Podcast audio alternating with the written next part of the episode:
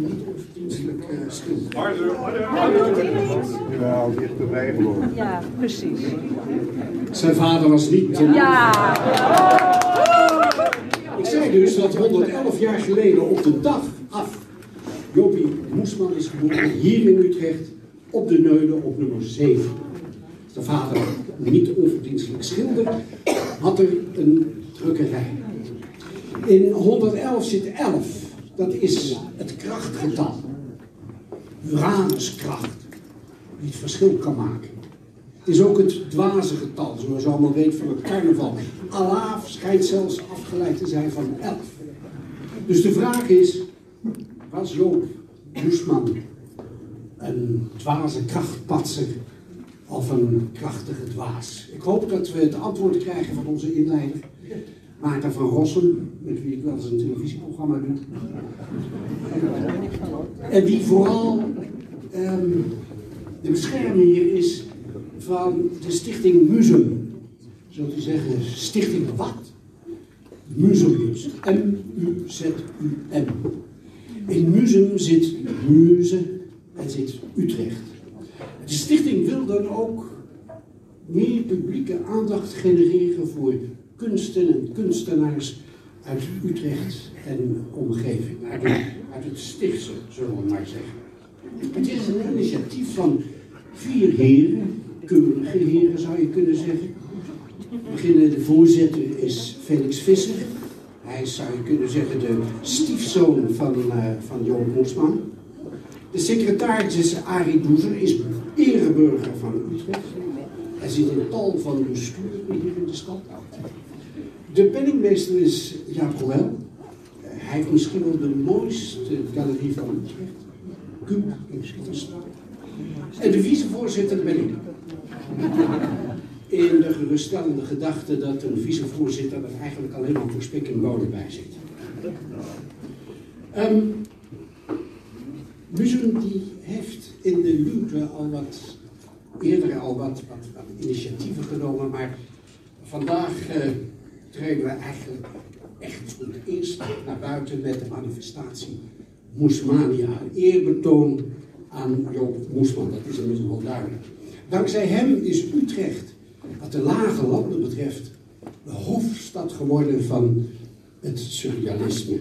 Officieel erkend door André Breton, de Parijse paus van die artistieke en filosofische beweging, die, hoe zal ik het zeggen, uh, het intiemste ik boven de ratio stelde.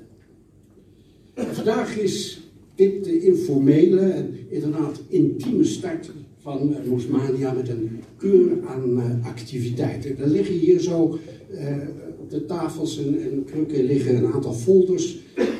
Die kunt u raadplegen, daar staat dat allemaal in. En anders www.moesmania2020.art.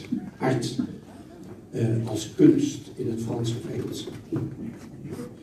En um, ik noem twee, twee activiteiten toch eventjes.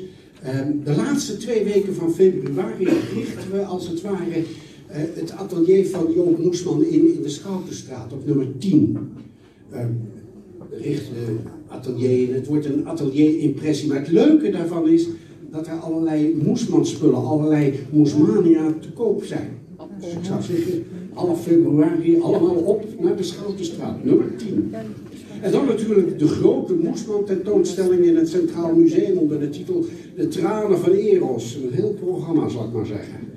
Van 15 februari tot en met 24 mei. En dus nog allerlei andere dingen, maar goed, dat staat dus in die folders. En wilt u trouwens op de hoogte blijven van wat Museum doet en, en eventueel uitnodigingen krijgen voor uh, manifestaties die Museum organiseert of gaat organiseren, dan liggen er ook hier ergens A4'tjes waar u, uh, u, uh, u, uw, weet dat nou? Mailadres, ja. ja, zo heet dat. Mailadres kunt noteren en dan houden we u dus op de hoogte. Um, voor Maarten van Rossum het woord geef, eerst nog even een bedankje voor deze en gene onmetelijk veel dank zijn we verschuldigd aan, aan Bea Roes, hier van de stad Schouwburg, aan Madame Dudok, u weet wat dat allemaal is. En dan de kunstenaars Luc Huiskens, Jeroen Hermkens, Niels de Hoog, John Nooy en Bas van Zetten. De brandweer, die stond helaas niet de beelden toe van Ruud Kuiper en Vincent Krantz, maar toch dank voor hun bereidwilligheid. En natuurlijk dank aan Maarten van Rossum, onze beschermheer, wie het woord geef, maar nog heel eventjes, als u denkt van waarom zie je er toch uit als een kerstboom? Het geldt trouwens ook voor Maarten van Rossum, eh, een gouden eh, keten heeft. En maar ook de andere bestuursleden, kunstenaars, die hebben zo'n ding. Als die aanstaat, dan zijn we aanspreekbaar. Als die uitstaat, dan hebben we privégesprek. Dus uh, bijvoorbeeld, kijk, nu kunt u niks tegen mij zeggen. Als u vragen heeft, nu. Nou ja, dat is eigenlijk alles wat ik te zeggen. Dan geef ik nu het woord graag aan Maarten van Rossum.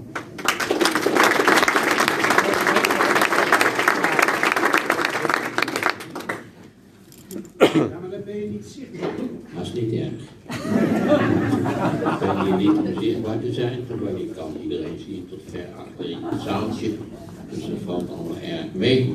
Als ik op dat afschuwelijke podiumje zou moeten staan, dan raakt mijn gevoel van evenwicht bij voorbaat gestoord. En bovendien wil ik een beetje bewegen, dus het moet maar zo.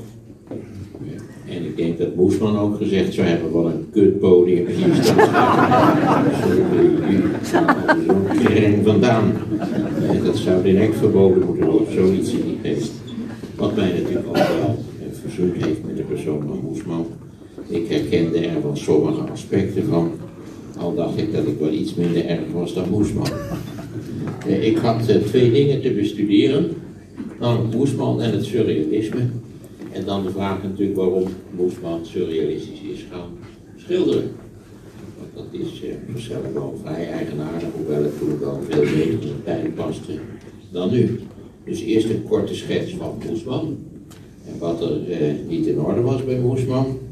Uh, ja, dat, wil je een grote kunstenaar worden, dan moet er van alles in elkaar dat niet in orde zijn. Dat weet u. Bent u een doodnormaal, volkomen geestelijk gezonde persoon, dan wordt het nooit vast. Want dan wordt het dan al die dingetjes die mijn tantes die geen reet te doen hadden, gingen aquarelleren.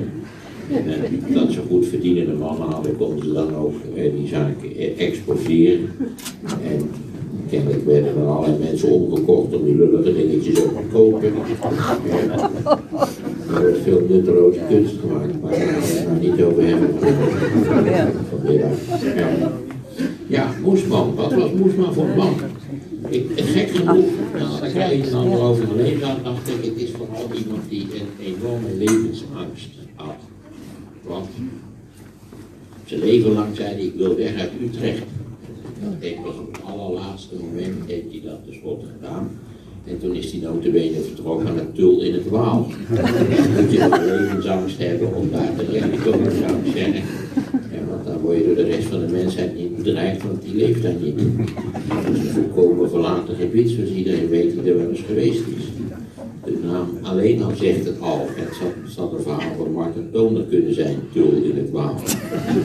Tullenaars of zoiets in die geest in ieder geval. En iedereen heeft zich ook afgevraagd waarom heeft hij zijn hele leven met stomme NS gewerkt. Ook omdat hij gewoon niet iets anders aan durfde. Hij voelde zich daar wel u heeft vast die anekdote wel eens gehoord die Felix altijd vertelt. En in ieder geval ook aan mij heeft verteld dat hij ochtends zijn chef begroette. En dan begroette zijn chef hem. En als hij dan op het moment dat hij de deur weer ging sluiten, dan liet hij een verschrikkelijke wind.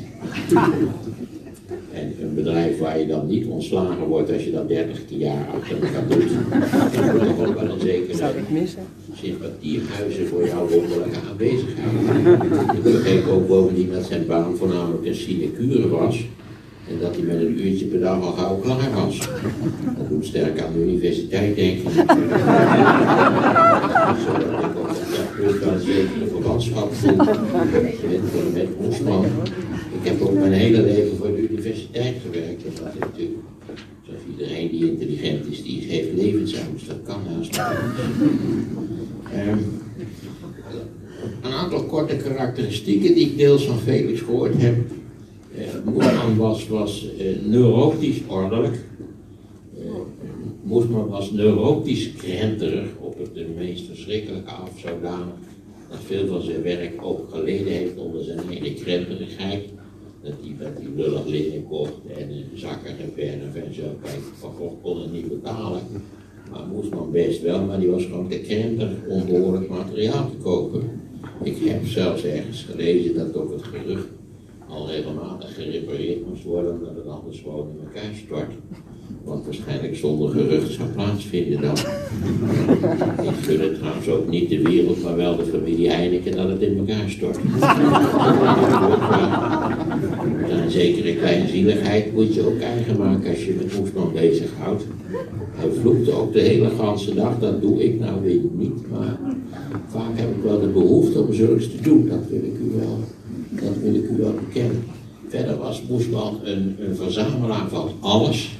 En u weet, een van de, van de grote complexen van mensen die niet in orde zijn, is dat ze alles verzamelen. Dat normaal is dat je in je puberteit iets verzamelt. Ik heb zelf bijvoorbeeld sigarenbandjes, strijkkaartjes en nou, zo'n beetje alles verzameld. Maar bij mensen die een normale cyclus doormaken, gaat dat over. Bij Moesman was het niet overgegaan. Dus nu heeft u al een heel complex bij elkaar van hij was bovendien enigst kind. En dat is ook vaak een lot. Mensen wordt niet, weliswaar niet geterroriseerd door die andere kindertjes in het gezin. Dat nou weer niet, maar die terreur van die andere kinderen blijkt vaak zelf later een heel educatief element te zijn. Omdat natuurlijk een groot deel van het volwassen leven bestaat uit de terreur door de anderen. Dat was ook weer. De anderen zijn de vijand. In die geest. Ik ben nu het Sartre citaat vergeten. En dat geldt eigenlijk voor de hele Sartre. Dat hoezeer je er ook mee bezig hebt gehouden, uiteindelijk kom, herinner je niks behalve die achterlijke bril die op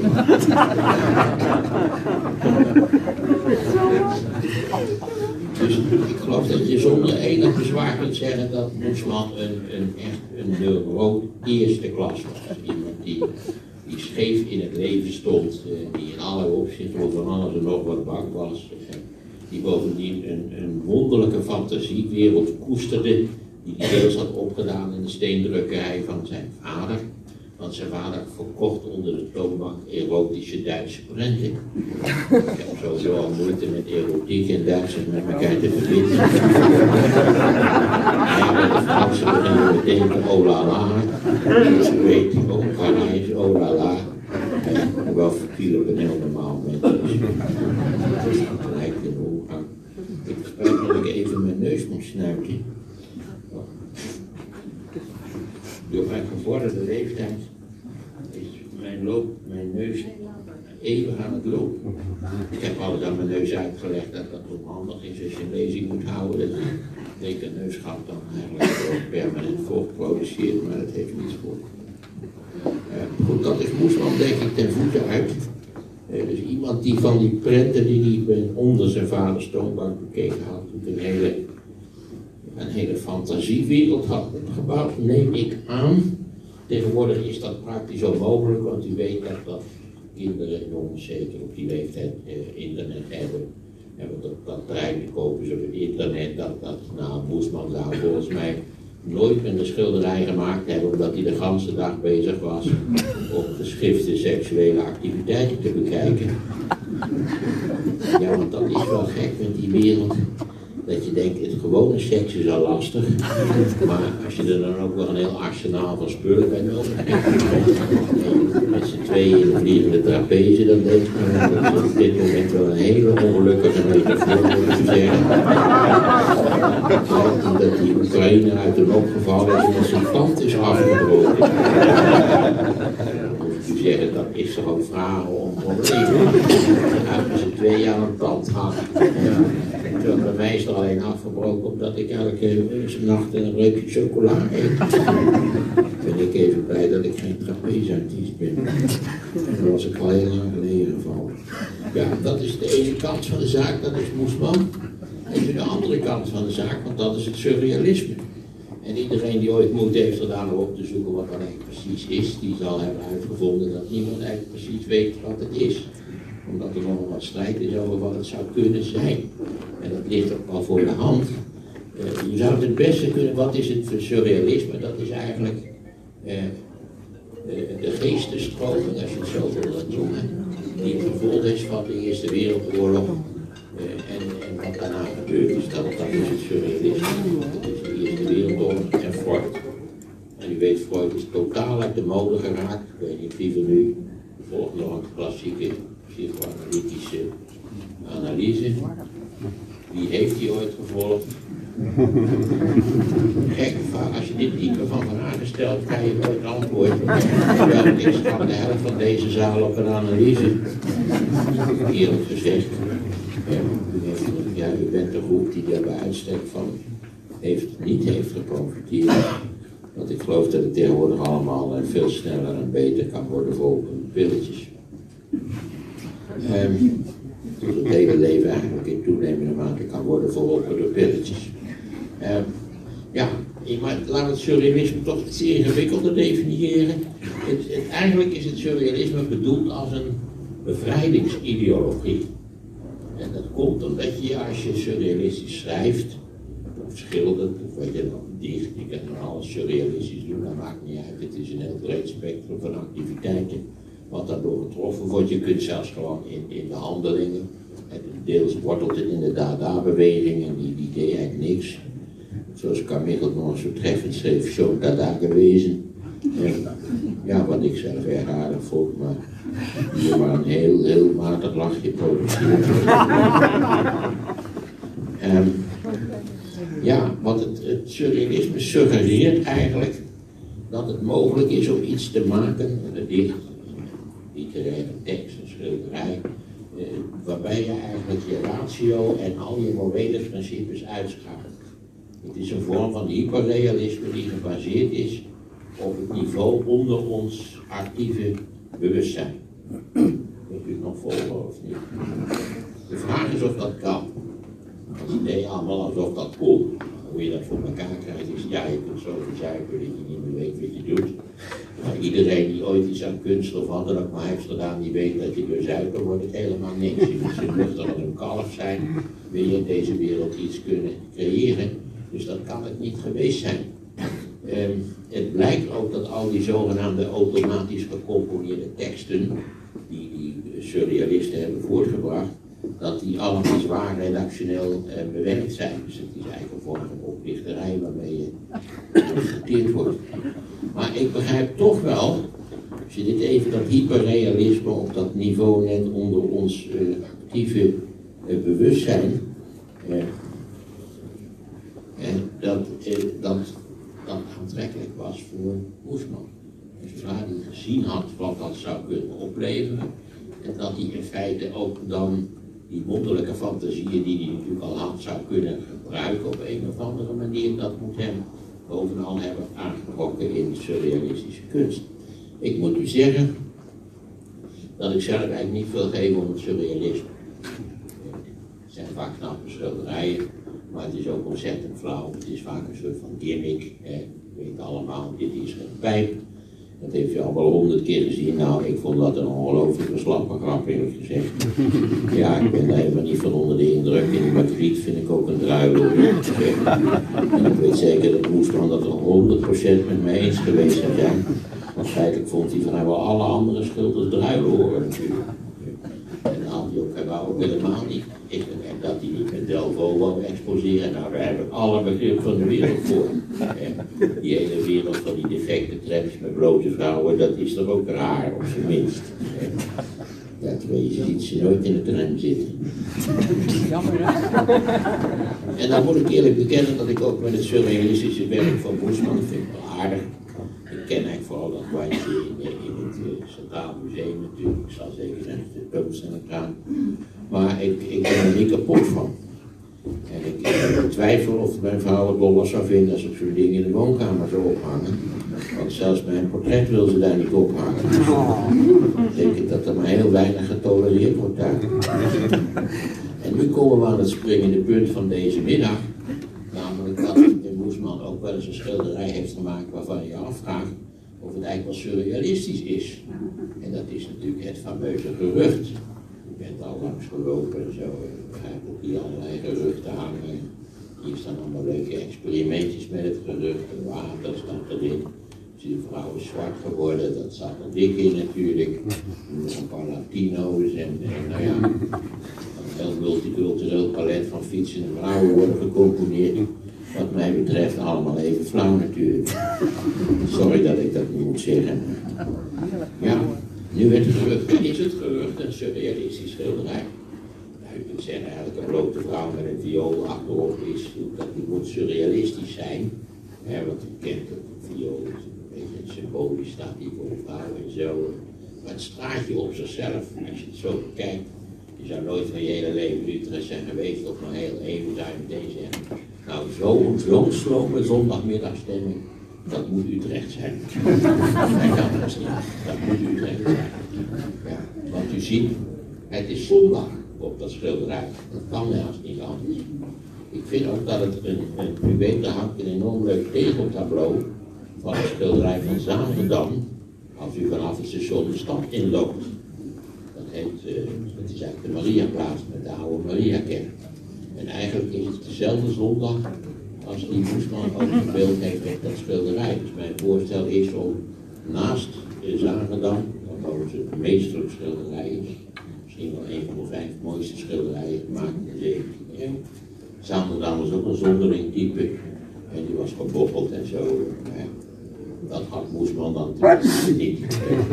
Hij was wel geestelijk gebobbeld, maar niet fysiek gebobbeld. Dat is, dus ja, is het surrealistisch? Is het minste surrealistische van al zijn schilderijen. En bovendien heeft hij er zelf, ik heb dat natuurlijk gelezen, ik had het zelf verzonnen, ik zeggen. Maar ik vond heel waarschijnlijk. Hij heeft er zelf een hele reële verklaring voor gegeven. Hij zei, nou, kijk, wat is het? Het is een vrouw die fietst door Utrecht. En achterop heeft een viool, maar wat ontbreekt er? Een strijkstok.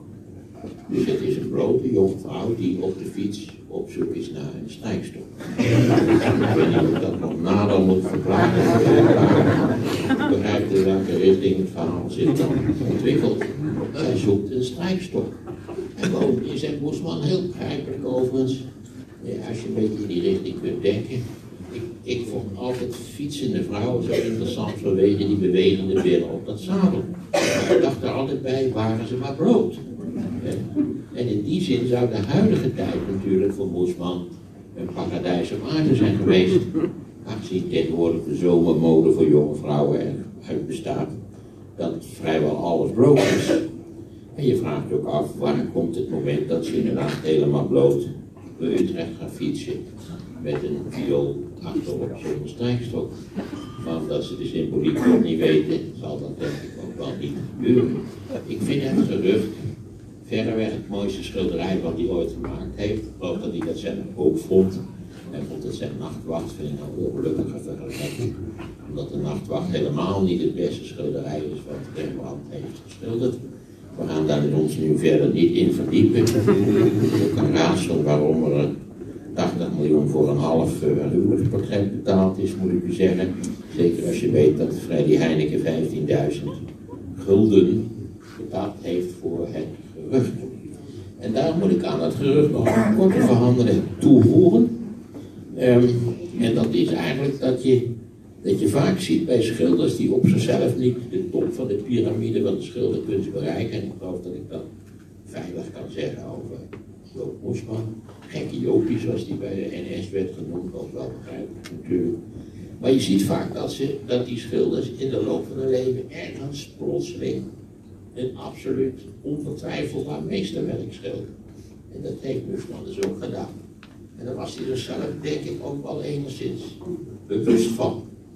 Maar het, het spoort natuurlijk eigenlijk vrij weinig met zijn andere surrealistische werken, omdat dit een, een, een realistisch, surrealistisch tafereel is, om even zo te zeggen. Moesman heeft een meesterwerk geschilderd. En u weet, als je in de loop van je leven een meesterwerk hebt geproduceerd, het kan een gedicht wezen, het kan een roman wezen, het kan een schilderij wezen. Dan is je leven goed geleefd. Dan ben je klaar. Dan heb je iets nuttigs voortgebracht. En wat zou Bosman het niet diep in zijn hart leuk vinden dat wij hier nou staan op zijn verjaardag bij het gerucht.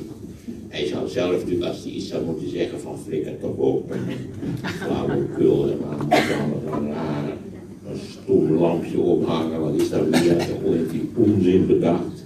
Hè? Stond nog van de planeet ook al die stomme batterijtjes die weggegooid. Nou, je hoort er bopperen, dat vind ik ook wel leuk. En, dat is dit, in dit geval heeft hij het meeste werk geschilderd. Hij heeft nog een aantal enorm leuke dingen gezegd in de loop van zijn leven.